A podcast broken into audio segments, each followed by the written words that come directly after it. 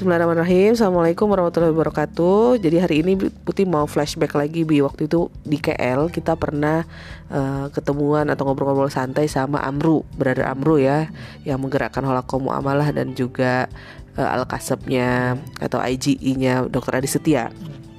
Nah jadi waktu pas abang ngobrol sama dia, Putih kan kita duduk di kafe paling atas tuh UITM ya. UTM banyak buku di situ. Ya UTM ada cases di kafenya itu tuh banyak buku. Nah jadi pas sama ngobrol Putih ngambil salah satu buku judulnya How Much Is Enough. Oh. Jadi berapa sih cukup itu bagi kamu gitu.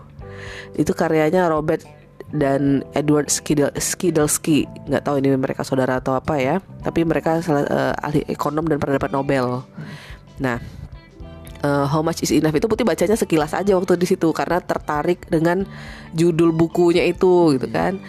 Cuman pas waktu kita cari di book access dan lain sebagainya kita nggak nemu. Nah kira putih cari reviewnya yang mana di situ uh, Robert dan Edward ini mempertanyakan itu tadi benar gitu. Kenapa kalian itu mengejar banget dunia ini? Emang berapa? Angka cukup untuk oh. kalian itu bisa berhenti gitu dan enjoy your life. Ya, itu sih simplinya. Iya iya iya betul. Gitu, ya. Jadi kayak berapa sih targetan yang kamu inginkan itu? Iya. Kayak nggak cukup-cukup gitu. Iya. Nah, oke. Okay. Nah, jadi di sini ada tiga garis besar yang dia mau highlight. Yang pertama itu tentang orang manusia di sini nih terus-terus kejar-kejar orang uh, kejar-kejar uang gitu. Kayak kemarin kalau kata tapi udah mulai berubah kalau sekarang kan kalau ya, kata uh, Ustadz itu sendiri Ustadz Dokter Arnel ya sekadar Arnel orang-orang Barat atau Western itu kan sehari menjadi kiblat gitu. Yang mana kita ya tanda kutip mengikutinya lah gitu ya. Tapi mereka sekarang sudah mulai tobat udah nggak lagi rushing. Kalau dibilang lifestyle itu fast living ya. Hmm. cepet hidup tuh. Sana sini individualistik gitu dulunya, ya. dulunya. Dan mereka udah mulai lelah dan jengah bahkan dengan kehidupan seperti itu. Dan mereka mulai lah ke slow living. Yeah. dan bahkan oh iya katanya politik balas budi Nah, beliau bilang dulu orang hantam aja semua. Sekarang nggak, udah mulai lebih ke, ke kemanusiaan ya gitu. Oh kita harus berbuat baik, nggak bisa uh, menindas. Makanya Islamic give economy itu kan menegakkan keadilan dan ihsan dalam berekonomi gitu kan. Sampai Dokter Aditya kan diminta ngisi di Western, maksudnya dalam area UK karena mereka sudah mindset mereka udah bukan eksploitasi lagi yeah. gitu. Ya itu dia. Jadi banyak bentuk-bentuk yang mana mereka itu sudah menghindari kehidupan yang uh, fast yang begitu sangat cepat ya. Hmm. yang waktu itu begitu begitu sempit bagi mereka. Yang istilah yang tadi kan slow living. Hmm. ada lagi satunya lagi yang yang mengurangi barang-barang di rumah minimalis, minimalis ya. Yeah. nah jadi banyak bentuk-bentuknya kemudian frugal living. uh, frugal living uh, banyak. Atau mereka pergi ke desa-desa ke kampung-kampung. Hmm kemudian membuat kebun begitu kan mengasingkan diri dari kehidupan yang nggak jelas ini uh, jadi uh, orang barat yang yang materialistik pun sekalipun materialistik sudah ada yang mencoba untuk uh, menghindari hidup yang sedemikian. Iya, bukan sudah ada lagi memang banyak. Akhirnya mereka tuh udah mulai mengubah pola hidupnya gitu. Lah kita kalau kata Ustadz Arnel kita baru mau mulai baru mau mulai head on gitu ya. Orang udah taubat kita baru mulai head on gitu. kan? Nah, jadi itu itu harus wake, wake up calling lah bagi yeah. kita ya. Ya termasuk di buku tadi itu. Jadi kenapa orang tuh kejar duit terus menerus satu karena dia kayak merasa rumput tetangga tuh lebih hijau gitu. Oh, oh ini orang punya mobil, aku harus punya mobil juga. Yeah, yeah. Orang punya rumah, aku juga. Orang liburan, aku juga gitu. Nah sehingga uh, ketika dia beli mobil, apa beli HP baru itu sebetulnya atas dasar kebutuhan atau oh, hanya keinginan gitu. Yeah. Kadang ngeliat punya orang, jadi karena counter pengen... argument gitu ya. Yeah. Orang punya kita harus punya nih, yeah. jangan iya. terlihat kita itu nggak punya gitu. Kere lah bahasa. Jadi oh, oh. dia banyak. Jadi, jadi ada motif-motif tertentu selain dari need. Iya. Kayak handphone kan neednya kan bagaimana kita bisa berkomunikasi begitu kan? Iya basic. Need basicnya, kan? basic need itu kan sebenarnya cukup ada WA-nya di situ ya, hmm. kemudian ada tempat callingnya, ada kameranya. Hmm. Nah, tapi mungkin ada yang pengen beyond dari itu lagi sehingga yang dicapai itu bukan sesuatu yang uh, urgent daripada sebuah handphone itu. Berarti yeah. dia karena melihat rumput tetangga bahasanya ya. Iya, itu satu ya. Terus ada lagi ya karena pengen menikmati aja gadget terkini itu apa sih? Oh. Makanya kan kalau kita lihat kan iPhone latest sendiri kan lah. kan nge, apa di KL itu iklan itu besar yeah, gitu kan. kan dulu, The latest sampai 13 lah uh, Pro segala macam gitu. Dulu kan kita nih iPhone 3 naik lagi tengok iPhone 7 kemudian 11 gitu kan. Abang tuh curiga jangan-jangan sudah ada yang iPhone eh, tipe Z-nya sekaligus angka 100 gitu. Z 100 yang memang Itu sudah mereka pelan-pelan ya? Iya, Nah, setting. jadi itu kadang bukan karena niche tapi karena pengen cobain aja apa sih Iya. teknologi terbaru padahal yang lama masih ada bahkan masih bagus. Iya. Nah, untuk itu misalnya kita mau beli iPad, fungsinya apa? itu Fungsinya harus apa? betul-betul uh, mindfulness ber- Iya. penuh kesadaran untuk kita berbelanja gitu. Dan boleh kalau boleh jujur ya, ada memang kecenderungan ataupun keinginan lah ya mungkin atau terbersit lah di pikiran kita tuh untuk mengganti apa HP kita itu padahal fungsinya masih bagus, baterainya masih kuat, kemudian mas ya masih bisa digunakan. Nah, tapi alhamdulillah kita mampu untuk eh, menahan itu. Nah, itu Iya. mungkin kekuatan diri kita ya untuk mengkontrolnya. Heeh. Nah makanya terus dia bilang juga ada salah satu ekonom, oh, putih lupa namanya siapa gitu ya, dia, dia memprediksi bahwasannya di tahun 2030 itu manusia itu eh, orang Amerika lah khususnya itu hanya bekerja tiga jam sehari aja Oh. dengan kekayaan yang banyak gitu.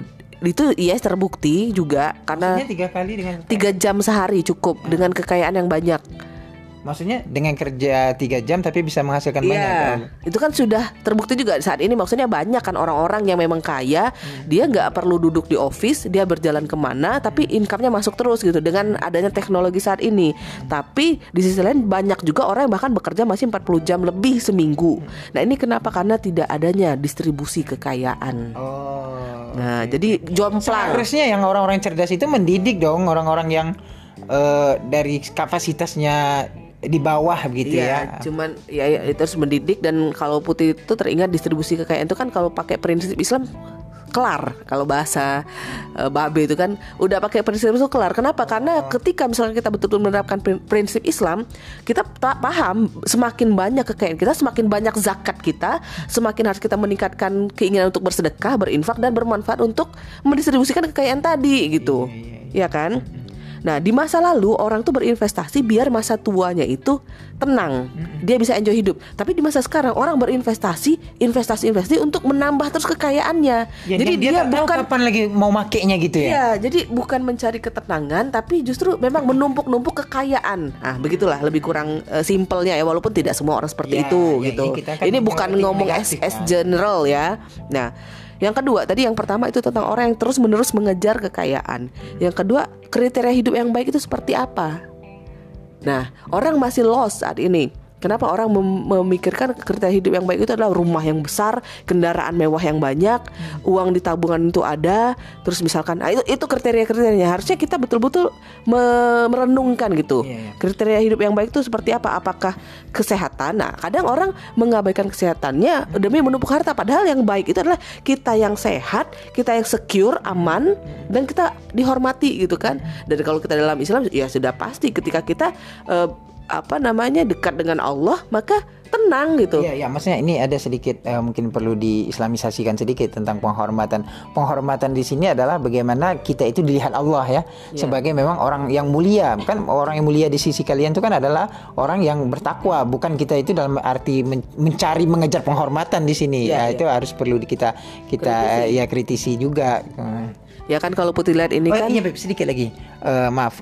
Tadi itu kan ad, ad, ad- eh, bahwasanya eh, perlu memang kita itu misalkan mendapatkan harta ya karena Islam pun juga tidak mengabaikan tentang itu. Tapi kan sebaik-baiknya harta adalah berada di tangan orang yang yang soleh begitu maksudnya. Boleh kamu mencarikan harta silahkan. Tetapi juga perlu ingat jadi ada eh, adab-adab juga yang perlu dipikirkan dalam mencari harta.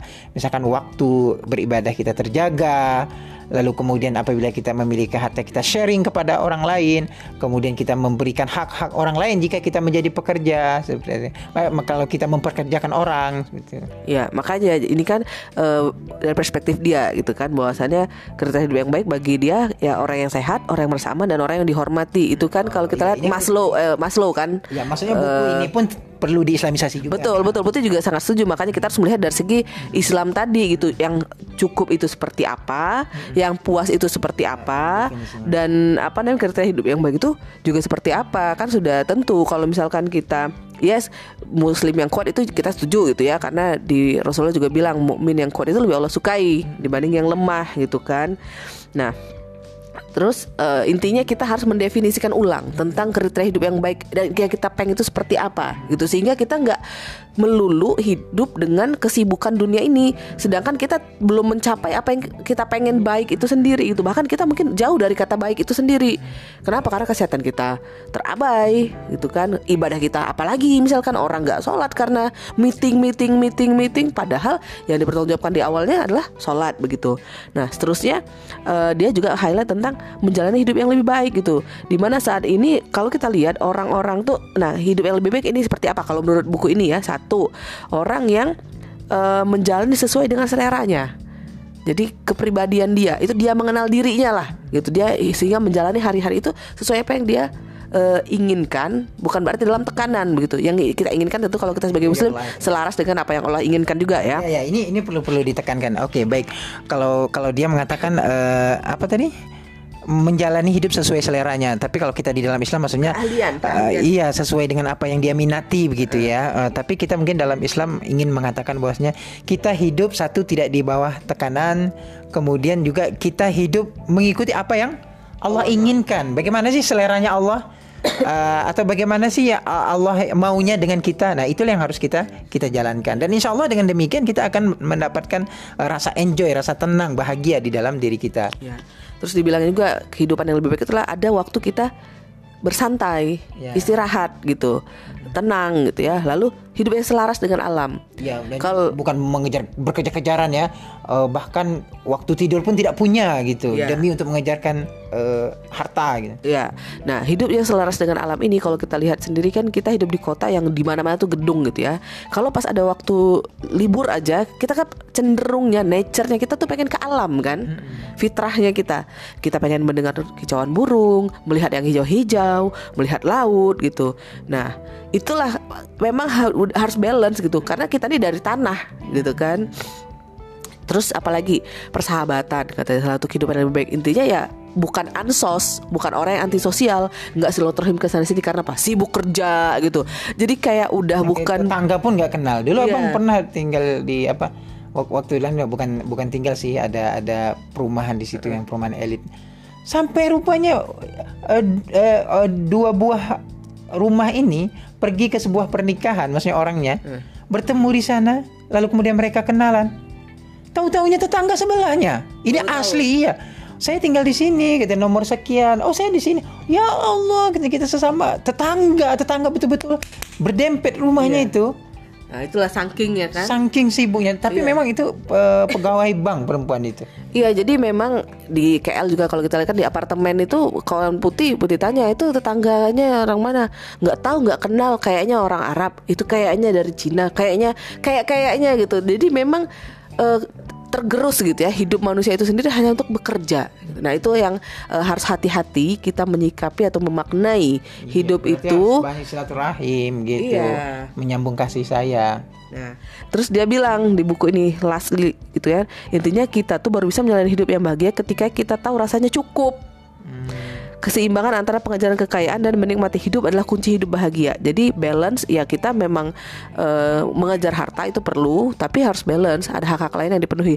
Ini mengejar kan harta perlu itu dalam arti untuk kebaikan dunia dan akhirat kita. Yeah. Buk, uh, lebih tepatnya bukan mengejar bahasanya mungkin ya.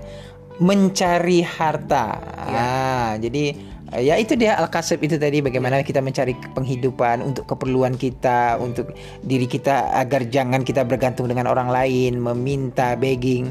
Ya jadi mencari ya kata kuncinya. Karena kalau ngejar tuh capek ngos-ngosan ya. ya belum tentu yang dikejar tuh bisa terkejar pula kan? Jadi kalau di Quran kan dibilang eh di putih lupa Quran atau hadis bi jadi carilah akhiratmu jangan lupakan duniamu. Ya. jadi cari akhirat dulu tuh. Ke dunia pasti ngikut gitu. Dan Allah bukan bilang sholat sholat aja. Enggak. Memang Rasulullah sendiri pun bekerja para nabi itu bekerja gitu kan. Dan ini yang putih agak ngejelek maksudnya kan buku ini how much how much is enough gitu.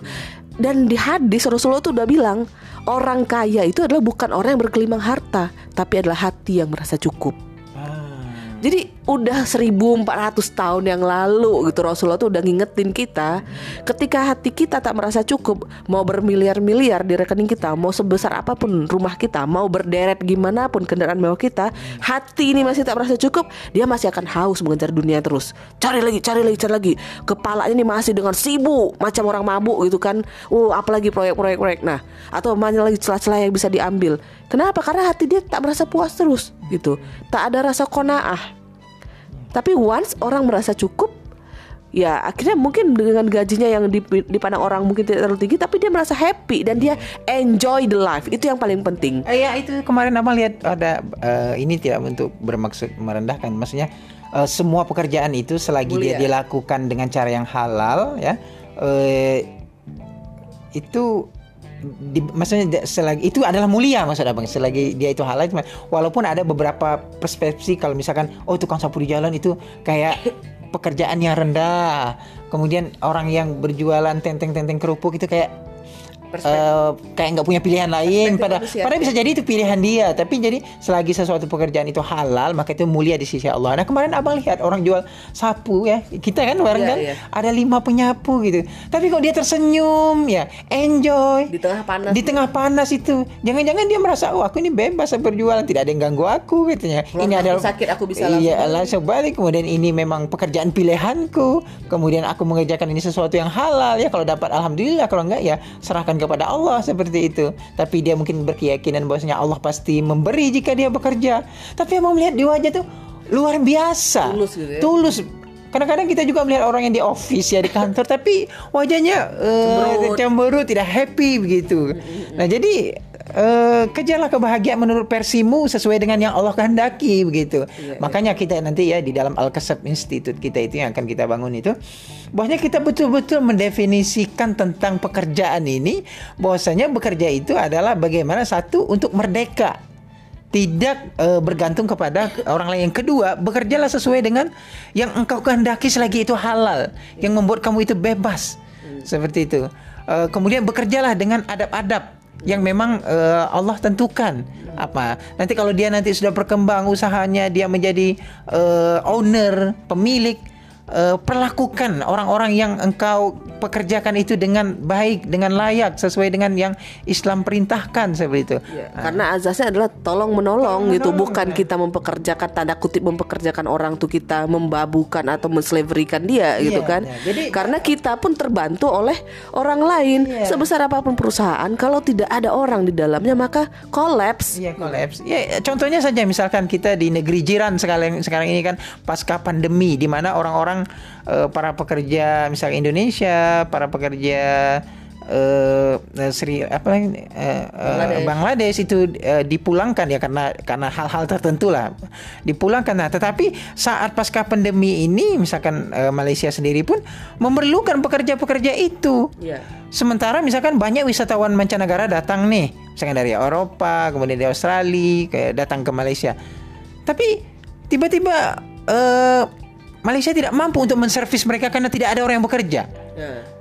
Uh, jadi akhirnya mereka menyadari bahwasannya mereka butuh gitu. Iya, jadi, Walaupun mungkin sebagian orang menganggap uh, TKI TKI itu dianggapnya sebelah mata iya, gitu kan. Nah, kalau bagi misalkan yang menganggap sebelah bagi mata, yang menganggap sebelah mata karena kita ketika di sana banyak juga orang-orang yang memuliakan iya, gitu kan. Nah, artinya apa antara uh, employee dengan employer itu adalah saling tolong menolong, saling memerlukan. Saling memerlukan. Jadi jangan dianggap orang yang bekerja itu sebenarnya yang memerlukan dia juga ini persis seperti uh, penceramah dengan jamaah. Iya. Jadi jangan uh, penceramah itu merasa dia lebih, merasa dia hebat, merasa dia itu berasa di atas panggung itu dia adalah orang yang berada di puncak. Ya. Sementara jamaahnya tuh nggak ada apa-apanya. Padahal dia berada di atas tuh karena ada jamaah yang ngelihat. Kalau orang balik semua ngapain dia di atas? Iya. Macam orang gila. Ya, orang ya. ngomong sendiri jadi kayak orang gila gitu. Oke, jadi ya itulah. So, how much is enough? Jadi uh, enough itu dalam pandangan itu adalah bersyukur. Yeah. Jadi ketika kita mendapat kita bersyukur, ketika uh, kita belum dapat ya juga uh, bersyukur, bersabar. Nah. Dan kita syukuri bahwasannya kita tahu belum dapat pun pasti itu karena kasih sayang Allah dan Allah tahu tepat waktu yang terbaik sehingga apa pun yang kita dapatkan bisa menjadi berkah bukan jadi musibah yang menjauhkan kita dari Allah. Gitu Makanya gitu ya. kan konsepnya adalah yang seperti yang episode sebelumnya kita bicara tentang tawakal. Tawakal itu adalah engkau bekerja lalu kemudian engkau serahkan hasilnya itu kepada Allah Subhanahu wa taala. Nah, itulah konsep yang mungkin uh, yang jelasnya ya. Nanti kalau misalkan sudah dapat nih, kan tadi kan kita bertawakal, kita bekerja, kita serahkan hasilnya pada Allah. Nah, ternyata dapat nih hasilnya sudah. Apa yang harus kita lakukan? Yaitu qanaah, merasa puas terhadap apa yang kita miliki ya Allah. Oke, yang mau tahu tadi tentang tawakal bisa search uh, podcast Al Kasab Institute. Sekian, assalamualaikum warahmatullahi wabarakatuh.